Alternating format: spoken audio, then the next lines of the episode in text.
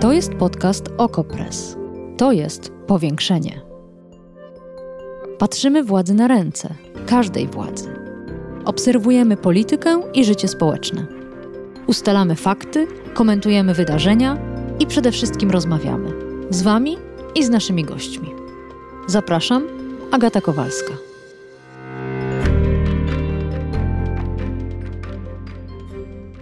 Sądy i urzędy w Polsce będą musiały przyznać, że tęczowe rodziny istnieją.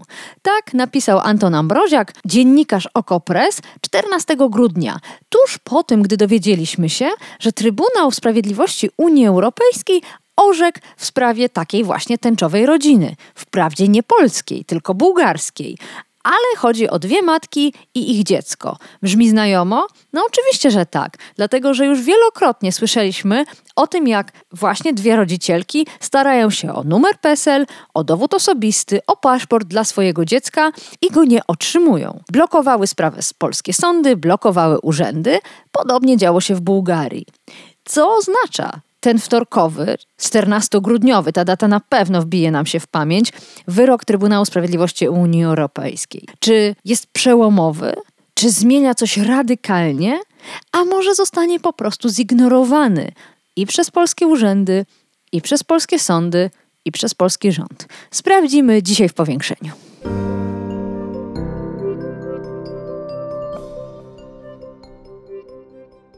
A naszym gościem jest pani Karolina Gierdal, adwokatka z Kancelarii Praw Człowieka, z inicjatywy LGBT plus prawnicy oraz kolektywu Szpila. Dzień dobry. Dzień dobry. Chciałabym, żebyśmy zajęły się wyrokiem, który zapadł właśnie przed Trybunałem Sprawiedliwości Unii Europejskiej. Tym razem dwie obywatelki, e, dwie matki, co więcej, poskarżyły się na Bułgarię. Na Bułgarię, czyli kraj, podobnie jak Polska, nie rozpoznający tęczowych rodzin. I CUE, to od razu zaznaczmy, nie nakazał Bułgarii wprowadzenia małżeństw jednopłciowych ani związków partnerskich, zajął się rzeczą zupełnie inną i ach jakże fascynującą, czyli dokumentami dziecka tej pary. O co chodziło w tej sprawie, gdybyśmy mogły w skrócie ją opisać? O jakie dokumenty chodzi i dlaczego aż do CUE ta sprawa musiała trafić? Chodzi tutaj przede wszystkim o dokumenty tożsamości. E, tutaj w tej sprawie mieliśmy do czynienia z dwiema mamami, które mieszkają w Hiszpanii i zawarły tam związek małżeński. E, jedna z nich jest obywatelką Bułgarii. E, i na podstawie konstytucji bułgarskiej jej dziecko z mocy prawa nabywa obywatelstwo. E, aby mm, to udowodnić, aby uzyskać dokumenty tożsamości, musiała ona dokonać tak zwanej transkrypcji aktu urodzenia, czyli przeniesienia jakby tego aktu urodzenia, który był wydany przez urzędy hiszpańskie, do akt stanu cywilnego e, bułgarskiego. Czyli Problem zupełnie jak w Polsce. Wszystko tu się na razie zgadza. W zasadzie myślę, że e, będziemy mogły tutaj w trakcie tej rozmowy wielokrotnie powtarzać to samo, czyli zupełnie jak w Polsce. Okay. No i cóż się wydarzyło? Tutaj, podobnie jak w Polsce, znów e, urzędy powiedziały: No nie, no chwileczkę. E, jakie dwie matki w akcie urodzenia? -hmm. Proszę mi przedstawić e, informację, która z nich jest biologiczną matką. -hmm. Tutaj obywatelka Bułgarii powiedziała, że no, nie widzi powodu, dla którego miałaby to robić. Wniosła skargę E, na decyzję odmawiającą wydania tego dowodu, bo tutaj się tak, e, te, tej transkrypcji, przepraszam, bo tutaj e, tak e, no, zdecydował ten urząd bułgarski, znów powołując się, podobnie jak w Polsce, na porządek publiczny, który miałby nie zezwalać na małżeństwa osób tej samej płci e, i ujawnienie tego w aktach stanu cywilnego. E, sprawa trafiła więc do sądu administracyjnego bułgarskiego, który powziął wątpliwość w trakcie mhm. tego postępowania, czy przypadkiem nie mamy tutaj do czynienia z prawem Unii Europejskiej e, i tym samym, czy e, należałoby zadać pytanie prejudycjalne do Trybunału Sprawiedliwości Unii Europejskiej, aby zapytać się go, w jaki sposób interpretować przepisy aby mm, możliwie urzeczywistnić tutaj prawo Unii Europejskiej, głównie chodziło tutaj o e, swobodę przemieszczania się. To zaraz Dlatego, wyjaśnimy, że... dlaczego właśnie ta swoboda przemieszczania się jest tutaj taka istotna, ale zatrzymajmy się na tym momencie, w którym sąd administracyjny w Bułgarii powziewa wątpliwość. To jest moim zdaniem bardzo ważny moment. Myśmy na taki moment też czekali w Polsce i też się doczekałyśmy i doczekaliśmy. Tu z kolei sąd administracyjny w Krakowie powziął wątpliwość i zaczął pytać CUE. Dla e, pani jako prawniczki zajmującej się od lat prawami człowieka, prawami LGBT, to chyba jest istotne. Absolutnie, to było bardzo ważne. Mhm. Jest to sprawa krakowska. Od lat nie tylko ja, ale też inni prawnicy i prawniczki, Biuro Rzecznika Praw Obywatelskich walczyło przed polskimi sądami administracyjnymi o to, aby polskie sądy administracyjne tę wątpliwość powzięły i to pytanie prejudycjalne zadały nie udało się do tego namówić nikogo poza tym e, krakowskim sądem. Ale wystarczy e... jeden, jak się okazuje w sprawie choćby bułgarskiej, że wystarczy Absolutnie. ten jeden odważny sędzia czy, czy kilku sędziów. Absolutnie wystarczy jeden, dlatego że to jedno, to orzeczenie jest wiążące jakby dla państwa. Państwo musi interpretować w tym momencie już prawo unijne w duchu orzeczenia które zapadło mm. E, w Trybunale No to teraz w takim razie wracamy do tego swobodnego przepływu osób w Unii Europejskiej. Jak to się ma do jakiegoś małego dziecka, które nie ma dokumentów? Trzeba przede wszystkim podkreślić, że CUE ma tutaj pewną ograniczoną e, jurysdykcję. Może orzekać tylko w tych sytuacjach, które w jakiś sposób są związane z prawem Unii. Dlatego tutaj kupił się przede wszystkim na tej swobodzie przepływu osób. Każdy i każda z nas jako obywatelki, E, Unii Europejskiej mamy prawo do korzystania właśnie z tej swobody gwarantowanej nam przez traktaty. Ta swoboda jest urzeczywistniana między innymi przez to, że dysponujemy dokumentami tożsamości wydanymi przez nasze państwo z pochodzenia, e, które dokumentują to, że tymi obywatelami jesteśmy, dzięki czemu po prostu pokazujemy dowód osobisty e, czy paszport na granicy, E, czy też wsiadając do samolotu i dzięki temu możemy się swobodnie po tej Unii Europejskiej przemieszczać i korzystać z innych uprawnień, tym do przebywania po prostu w tych, e, w tych innych państwach Unii.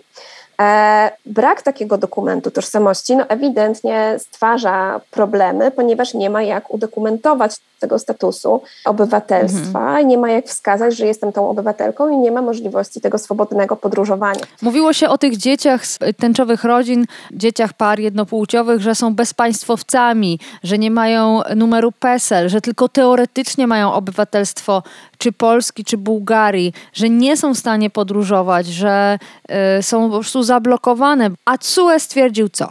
CUE powiedział w porządku, nie musicie robić transkrypcji, ale musicie zrobić coś innego. Mhm. Musicie umożliwić temu dziecku podróżowanie swobodne z obiema matkami. Musicie mu wydać dokument tożsamości.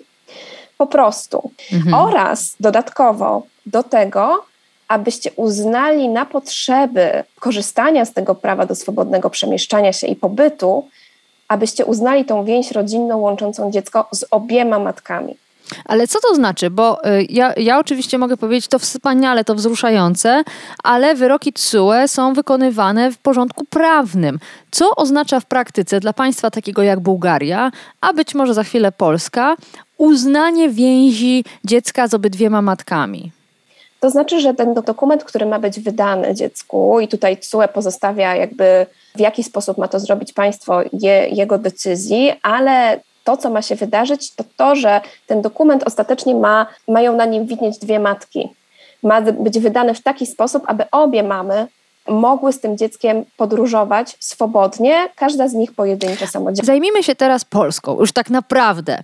Mhm. E, wspominałyśmy o sprawie krakowskiej, gdzie Wojewódzki Sąd Administracyjny wykazał się odwagą. E, odwaga ta polegała na tym, że zadał pytanie. I do czasu uzyskania odpowiedzi od CUE zawiesił e, rozpatrywaną sprawę z kolei polskiego dziecka, które, które też czeka na dokumenty i na numer PESEL. Co to oznacza po 14 grudnia? Co to dla tego sądu w Krakowie i dla tej polskiej rodziny e, oznacza ten, ten wyrok? Ta sprawa była zawieszona przed CUE. W tej chwili wydarzy się, wydarzyć się powinno to, że e, Trybunał Sprawiedliwości Unii Europejskiej powinien podjąć tę sprawę, z tym, że nie wydać kolejnego wyroku, ale po prostu powiedzieć krakowskiemu mhm. sądowi, mhm hej, tutaj rozstrzygnęliśmy sprawę bułgarską, y, ty rozstrzygnij dokładnie tak jak w sprawie bułgarskiej. Czyli tą odpowiedzią CUE na pytanie prejudycjalne sądu z Krakowa byłoby zajrzeć do sprawy bułgarskiej. Dokładnie tak. No to to jest przełom. Tak, to jest przełom. Zresztą ustalmy, to i tak powinno być już stosowane e, w tym momencie, nawet bez tego, bez, bez Jak tej to? odpowiedzi.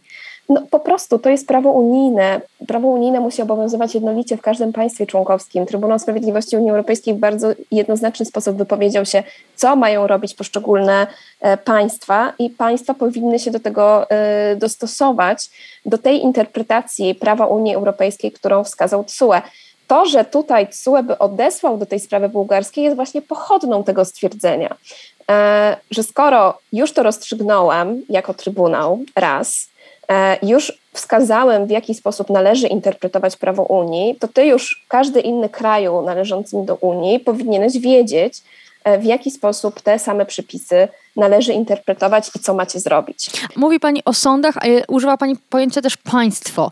Czy to znaczy, że również urzędy, urzędy stanu cywilnego, urząd gminy, one wszystkie też są zobowiązane tym wyrokiem z 14 grudnia? Tak, tak, jak najbardziej. No ale to co one mają konkretnie zrobić? Oto kolejna para, szczęśliwa, bo ma e, dziecko, ale dziecko jeszcze nie ma numeru PESEL, udaje się do y, urzędu po y, właśnie wydanie numeru PESEL, dowodu osobistego albo y, paszportu i co urząd po 14 grudnia dla takiej jednopłciowej e, pary powinien zrobić? Powinien wykonać ten, e, ten wyrok. TSUE powinien postąpić e, tak, aby urzeczywistnić swobodę przepływu osób i wydać dokument tożsamości, nie domagając się wcześniejszej transkrypcji, czyli przedstawienia mhm. tego polskiego aktu urodzenia, oraz powinien doprowadzić do sytuacji, w którym na dokumencie wydawanym widnieją dwie mamy.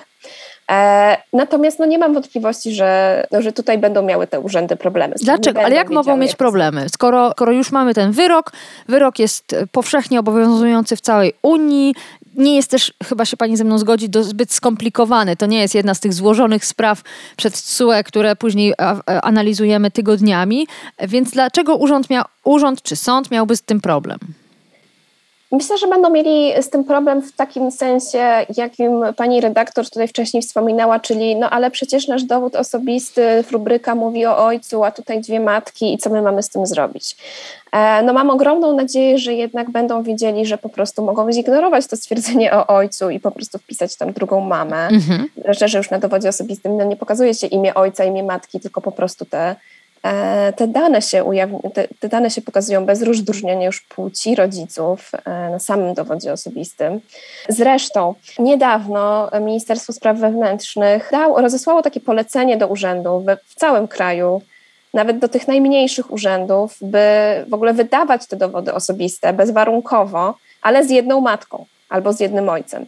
Myślę, że wiedzieli i szykowali się na to rozstrzygnięcie e, Trybunału w Luksemburgu, zwłaszcza po tym, no, że jakby wszelkie znaki na niebie i ziemi wskazywały, że tutaj faktycznie może być taka e, interpretacja. Ale dla, zaraz, zaraz, ale, ale przecież teraz wpisywanie tylko jednej z matek nie będzie spełnieniem tego wyroku Trybunału, więc... Nie będzie, mhm. nie będzie. Mhm. Nie będzie i zresztą takie sprawy w Polsce też już są, w których osoby walczą o, o to, aby być uznane, aby obie mamy lub obo, obu ojców było wpisanych do tego dokumentu tożsamości. Ale czy zgodzi się Pani ze mną, że, jest, że ten wyrok TSUE wydaje się jeszcze bardziej przybliża nas do tego bolesnego dla niektórych momentu, w którym po prostu państwo polskie będzie musiało zauważyć, że obywatele i obywatelki miewają związki jednopłciowe i miewają dzieci, bo to, ta, ta rzeczywistość staje się coraz bardziej rozkraczona, że użyję kolokwializmu ta rzeczywistość jest potwornie rozkraczona. Mm. Fakt tego, że my jako osoby LGBT żyjemy w takiej swoistej próżni prawnej, w której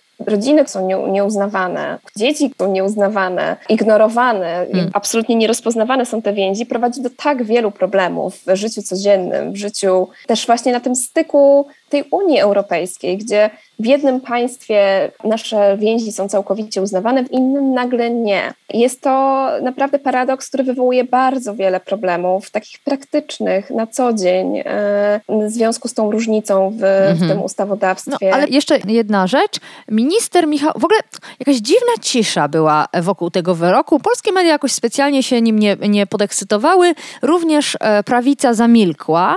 Mnie się udało znaleźć tylko głos ministra Michała Wójcika, który z dobowym opóźnieniem, e, Michał Wójcik to jeden z ludzi Ziobry, e, skarżył się na Twitterze, że CUE zdecydował, że dokumenty dzieci pochodzących ze związków osób tej samej płci, zawartych w jednym kraju, mają być uznawane w krajach, które tego nie dopuszczają. To oznacza zmuszanie nas do uznawania związków jednopłciowych. Hipokryci z Unii Europejskiej niszczą krajowe porządki prawne. Ile błędów popełnił tutaj minister Wójcik w tym twicie i jak by się pani do tego odniosła?